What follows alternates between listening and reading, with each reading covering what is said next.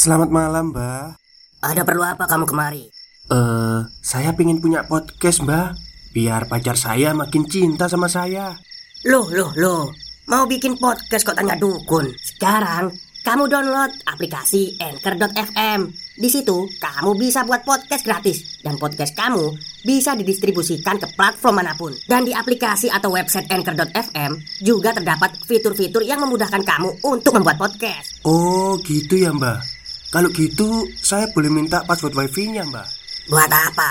Buat download Anchor.fm, Mbak.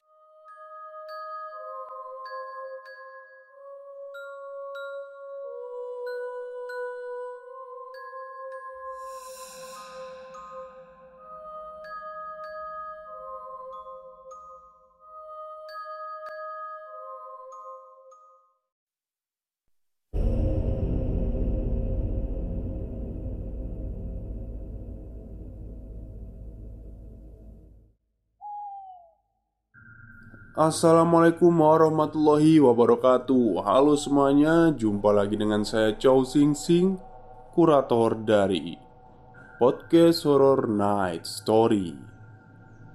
Halo, apa kabar semuanya? Semoga kalian semua sehat-sehat ya. Dan seperti biasanya pada malam hari ini Saya akan membawakan sebuah kisah mistis untuk kalian semua Kisah mistis kali ini saya datangkan dari tweet twitternya Payung Hitam Yang menceritakan tentang sekelompok anak muda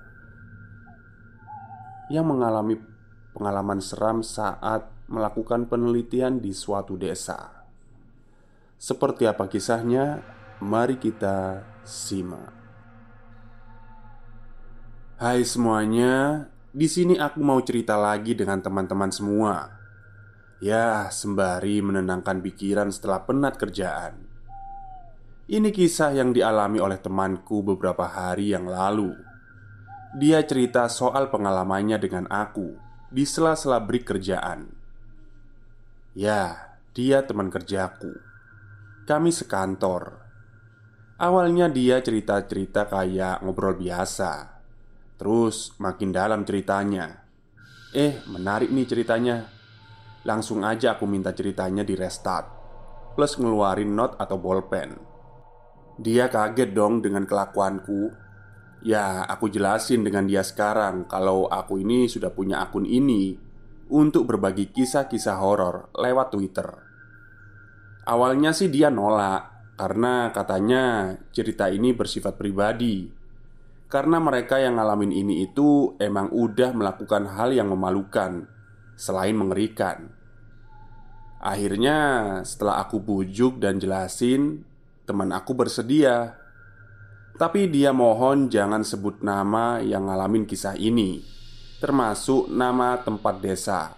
Karena itu memang titipan dari salah satu warga di sana. Oh iya Karena temanku ini bersedia aku mulai perhatikan dan nulis detail ceritanya di note. Jadi, kita mulai ceritanya dari sudut pandang teman aku yang bernama Bayu. Tahun 2011. Persisnya di penghujung tahun. Aku sedang disibukkan dengan salah satu persyaratan sidang skripsi. Oh ya, aku kuliah di salah satu universitas yang ada di Surabaya yang saat itu aku juga berdomisili di sana. Aslinya sih aku bukan warga Surabaya. Di sana hanya menimba ilmu. Tapi bagiku kota Surabaya itu merupakan kenangan terindah bagiku.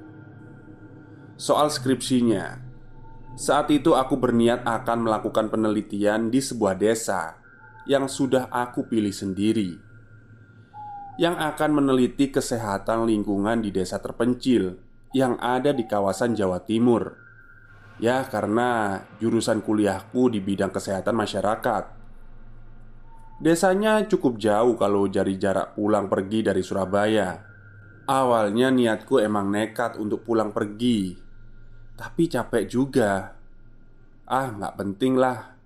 Wong cuma seminggu sekali Lalu, dua hari sebelum aku berangkat ke desa, kayak biasa, rutinitasku nongkrong dengan teman-teman dulu. Jadi mereka juga tahu kalau aku akan melakukan penelitian di desa itu. Di antara beberapa temanku, ada dua dari mereka yang bernama Agil dan Tony yang kepikiran untuk nemenin aku di sana. Karena menurut mereka, di desa itu alamnya masih asri dan indah. Jadi mereka ngomong, katanya daripada pulang pergi terus, gimana kalau mereka juga ikut dan nginap di desa itu sampai penelitianku selesai. Katanya juga hitung-hitung perjalanan backpackeran lah. Jadi kalau emang mereka nemenin aku penelitian di desa itu, setelah penelitian selesai sebelum balik ke Surabaya, mereka ngajak camping semalam di bukit yang ada di sekitaran desa itu. Karena kami sebelumnya pernah ke desa itu, jadi bukit itu tidak asing untuk anak pecinta alam di masa itu. Aku pikir-pikir kayaknya beneran asik nih Tapi aku masih bingung Masalahnya ada nggak ya penginapan di desa itu? Akhirnya besoknya sehari sebelum penelitianku dimulai Kami ke desa itu untuk ngurus izin penelitian Dan sekaligus mastiin tempat penginapan. Di hari itu kami berangkat ke desanya. Setelah beberapa jam perjalanan Kami sampai di desa itu Dan langsung ke rumah kades untuk ngurus izin. Kebetulan ternyata Pak Kades sedang duduk-duduk di depan rumahnya dengan bapak-bapak desa. Kami pikir ada acara apa rame-rame yang awalnya kami jadi segan. Eh, ternyata cuma nongkrong aja. Aku pun minta izin ke Pak Kades dan Pak Kades menandatangani izinku. Di sana pun kami juga disuguhi kopi. Setelah bahas soal penelitian, aku akhirnya nanya ke Pak Kades soal penginapan selama menjalankan penelitianku di desa itu. Awalnya katanya nggak ada Di desa itu tidak ada penginapan khusus. Tapi syukurnya Salah satu bapak-bapak sebut aja Pak Usman. Temennya Pak Kades membuka harapan kami. Katanya dia punya rumah untuk tempat tinggal kami sementara. Wah, kami senang dong. Akhirnya Pak Usman ngajak kami untuk melihat rumahnya. Rumahnya berada di ujung pemukiman desa. Rumah ini rumah sederhana, layaknya rumah di kawasan pedesaan. Sebenarnya rumah ini dulunya tempat tinggal Pak Usman, tapi sekarang rumah ini hanya difungsikan untuk gudang. Jadi banyak barang-barang Pak Usman yang nggak kepake di rumah itu. Tapi aku pikir nggak begitu masalah sih yang penting ada air dan ruangan Itu aja lebih dari cukup Aku pun setuju. Agil dan Tony juga ikut setuju. Rumah tempat tinggal Pak Usman sebenarnya hanya bersebelahan dengan rumah ini. Tapi jaraknya kurang lebih 30 meter. Kami terpisah dengan lahan kosong dan pohon rambutan yang gede banget. Depan rumah ini masih ada satu rumah warga yang posisinya di pinggir jalan kecil yang berhadapan pas dengan rumah kami. Setelah kami semua setuju dan memutuskan untuk menginap sementara di desa itu, akhirnya kami pamit dengan Kades dan Pak Usman untuk balik lagi ke Surabaya. Karena besoknya barulah kami kembali lagi ke sini. Saat di jalan balik ke Surabaya, aku nyetir Sedangkan Tony dan Agil sibuk membicarakan satu cewek Yang mereka anggap itu adalah bunga desa Jadi gini Saat aku dengan Pak Usman sibuk melihat-lihat dan membicarakan kondisi rumah tadi Agil dan Tony sibuk mengintip cewek yang duduk di rumah depan Aku sih lihat juga si cewek itu Emang sekilas kayaknya cantik Tapi aku nggak begitu memperhatikan karena fokusku ngobrol dengan Pak Usman. Stop, stop. Kita break sebentar. Jadi gimana? Kalian pengen punya podcast seperti saya? Jangan pakai dukun, pakai Anchor. Download sekarang juga. Gratis. Mereka berdua semangat sekali, terutama Tony Karena katanya, wah asik tuh Apalagi di rumah depan ada cewek bening banget Itu seolah jadi penyemangat mereka Ya wajar sih aku mikirnya Ikan mana sih yang gak seneng kalau disuguhi kucing asin? Ya nggak? Besoknya dari Surabaya kami siap-siap kembali ke desa itu lagi. Untuk tinggal beberapa hari di sana Untuk menjalankan penelitianku. Sekaligus menenangkan pikiran di alam dan desa itu.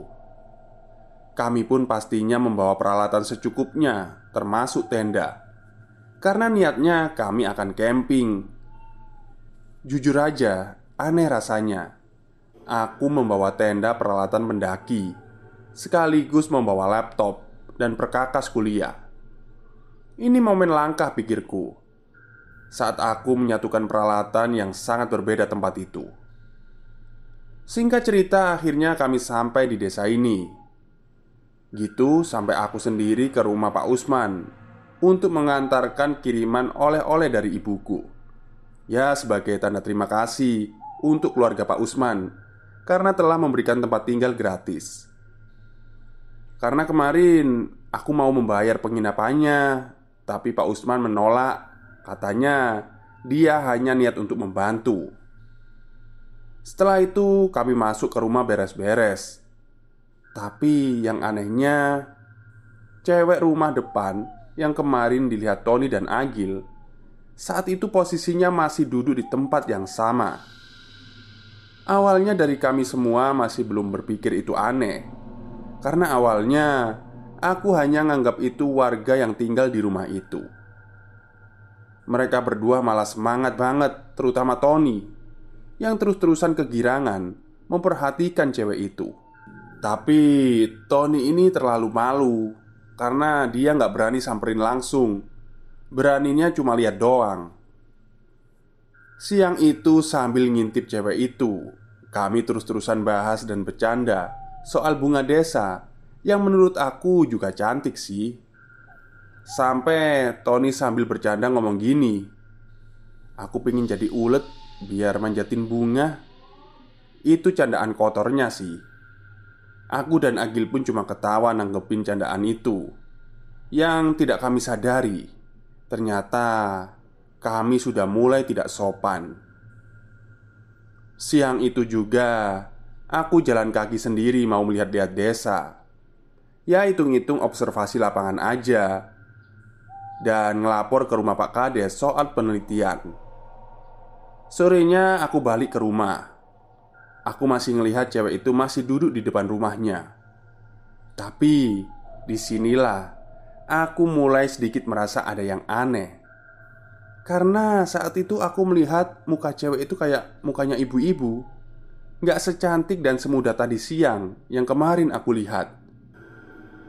Sambil jalan aku sempat nyapa Mbak Tapi cewek itu hanya melihatku saja Dan tidak membalas sapaanku.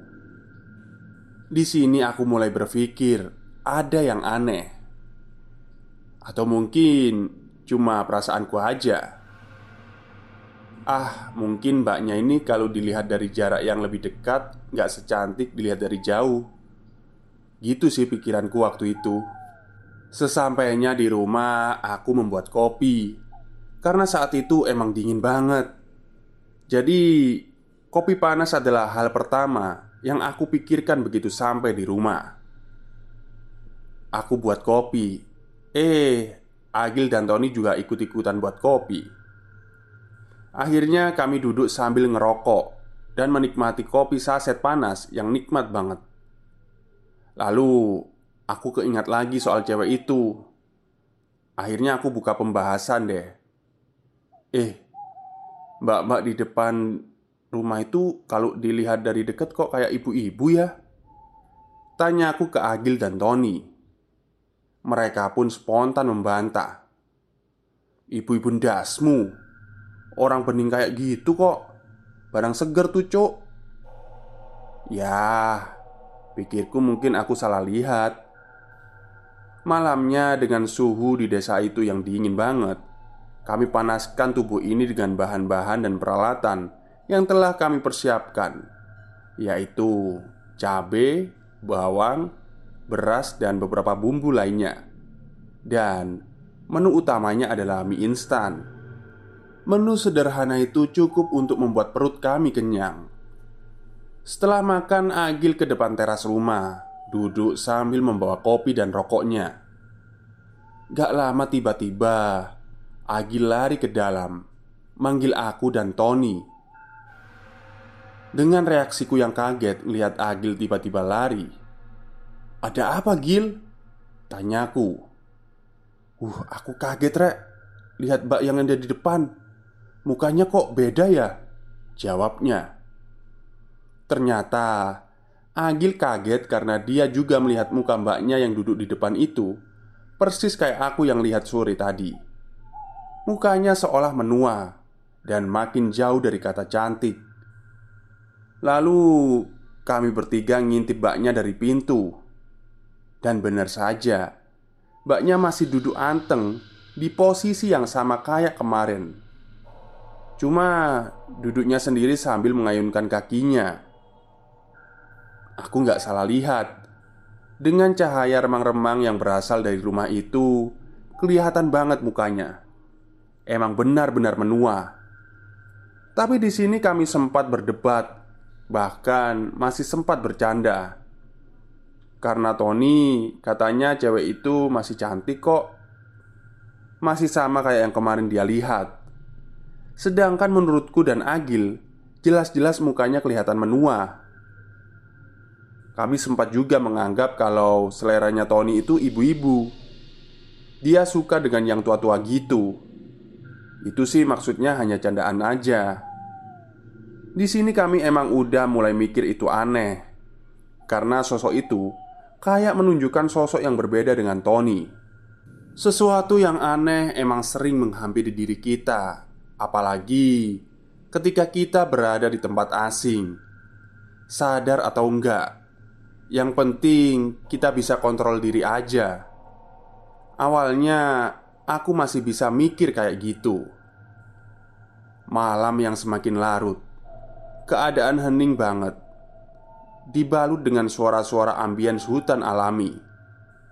Tony dan Agil sudah tidur. Aku masih sibuk dengan laptopku Mempersiapkan data penelitian untuk besok Di tengah kesibukanku Samar-samar aku mendengar semacam suara keramaian dari kejauhan Sumber suaranya kayak dari belakang rumah kami Aku perhatikan lagi suaranya Rasanya itu semacam suara pesta, tapi pesta zaman dulu gitu. Karena masih kedengaran suara-suara gamelan. Di sini pun aku merinding. Akhirnya aku bangunkan Tony dan Agil. Mereka juga dengar. Kami sempat mikir, apa di belakang desa sana masih ada desa ya? Karena setahu aku, di belakang itu udah nggak ada desa lagi atau perumahan warga lagi. Ah, tapi aku nggak tahu lah. Kami coba buat keadaan untuk nggak makin mencekam di tengah heningnya malam itu. Ya udahlah, akhirnya kami tinggal tidur. Besoknya di hari kedua, aku mulai penelitian. Tapi saat aku keluar rumah, aku ngelihat lagi mbaknya masih duduk di depan rumahnya. Yang anehnya, aku ngelihat dengan jelas Mukanya itu kelihatan makin tua dari kemarin. Mukanya kayak muka nenek-nenek gitu Berkeriput dan hitam. Seolah semakin hari Mukanya berubah semakin tua dan mengerikan. Aku pun berkeringat dingin Dan berusaha melihat ke bawah. Aku gak berani lagi untuk menegur Karena ini sudah benar-benar aneh. Siangnya, setelah selesai penelitianku di hari itu, aku pulang. Lagi-lagi, mbak itu masih duduk di depan. Aku berusaha untuk tidak melihat. Sampai di rumah, aku langsung ngomong soal itu ke Agil dan Tony. Ternyata Agil juga sudah ketakutan karena dia juga sudah melihatnya. Tapi yang anehnya Tony dia masih ngelihat kalau mbak yang di depan rumah itu masih sama kayak awal kami lihat, cantik dan muda. Di sini aku makin cemas terjadi sesuatu pada kami. Daripada kenapa-napa, akhirnya aku ke rumah Pak Usman. Niatnya mau bahas soal mbak-mbak yang ada di depan rumah. Ya, mudah-mudahan Pak Usman ngasih penjelasan lah buat aku. Tapi saat aku ke rumahnya Pak Usman, ternyata di rumah cuma ada istrinya. Katanya Pak Usman sedang di luar. Ya udah, aku balik lagi ke rumah. Sorenya kami sedang pada diam semua. Pak Usman pun datang dan langsung nanya soal penelitianku. Aku buatkan kopi untuk dia, dan kami pun berdua bercerita. Awalnya, kami berdua membahas soal penelitianku dan juga membahas soal desa itu. Ya, biasalah basa-basi. Dan akhirnya, aku memberanikan diri untuk membuka pembahasan soal mbak-mbak yang duduk di depan. Eh, mohon maaf, Pak. Rumah di depan itu rumahnya siapa ya, Pak? Tanyaku. Oh, rumah itu. Itu rumah kosong, Mas. Udah nggak usah lihat-lihat ke sana. Biarin aja. Jawaban Pak Usman terlihat sedikit takut dan ragu saat menjawabnya. Pak Usman cuma menjawab itu Dengan reaksinya Aku jadi segan terus nanya soal itu Akhirnya setelah itu Pak Usman pulang Dari jawaban Pak Usman Kayaknya Pak Usman sudah tahu Kalau kami melihat sosok yang ada di rumah itu Padahal sebelumnya Aku belum ngasih tahu sama sekali Soal mbak-mbak yang duduk di depan rumah itu Aku makin yakin kalau mbak-mbak itu bukanlah manusia. Karena Pak Usman juga bilang kalau rumah itu kosong. Tapi yang anehnya, kalau malam rumah itu kok ada lampu remang-remang ya. Tapi aku juga nggak tahu sih siapa yang ngehidupin. Sore itu aku coba intip lagi mbak yang ada di depan. Ya, dia benar-benar masih duduk di depan rumahnya dengan muka yang menyeramkan. Malamnya, sikap Tony mulai aneh. Dia terus memuji kecantikan mbak-mbak yang ada di depan. Tony kelihatan tergila-gila banget dengan mbak-mbak itu. Padahal aku dan Agil sudah beberapa kali jelasin kalau mbak itu bukan manusia. Dia nggak percaya karena emang sudah tergila-gila dengan kecantikannya. Sampai malam itu dengan udara yang dingin banget. Tony mandi beberapa kali dan lama banget. Juga ngaca yang lama banget. Pokoknya itu bukan kayak Tony lah yang kami kenal. Dia aslinya nggak selebay itu.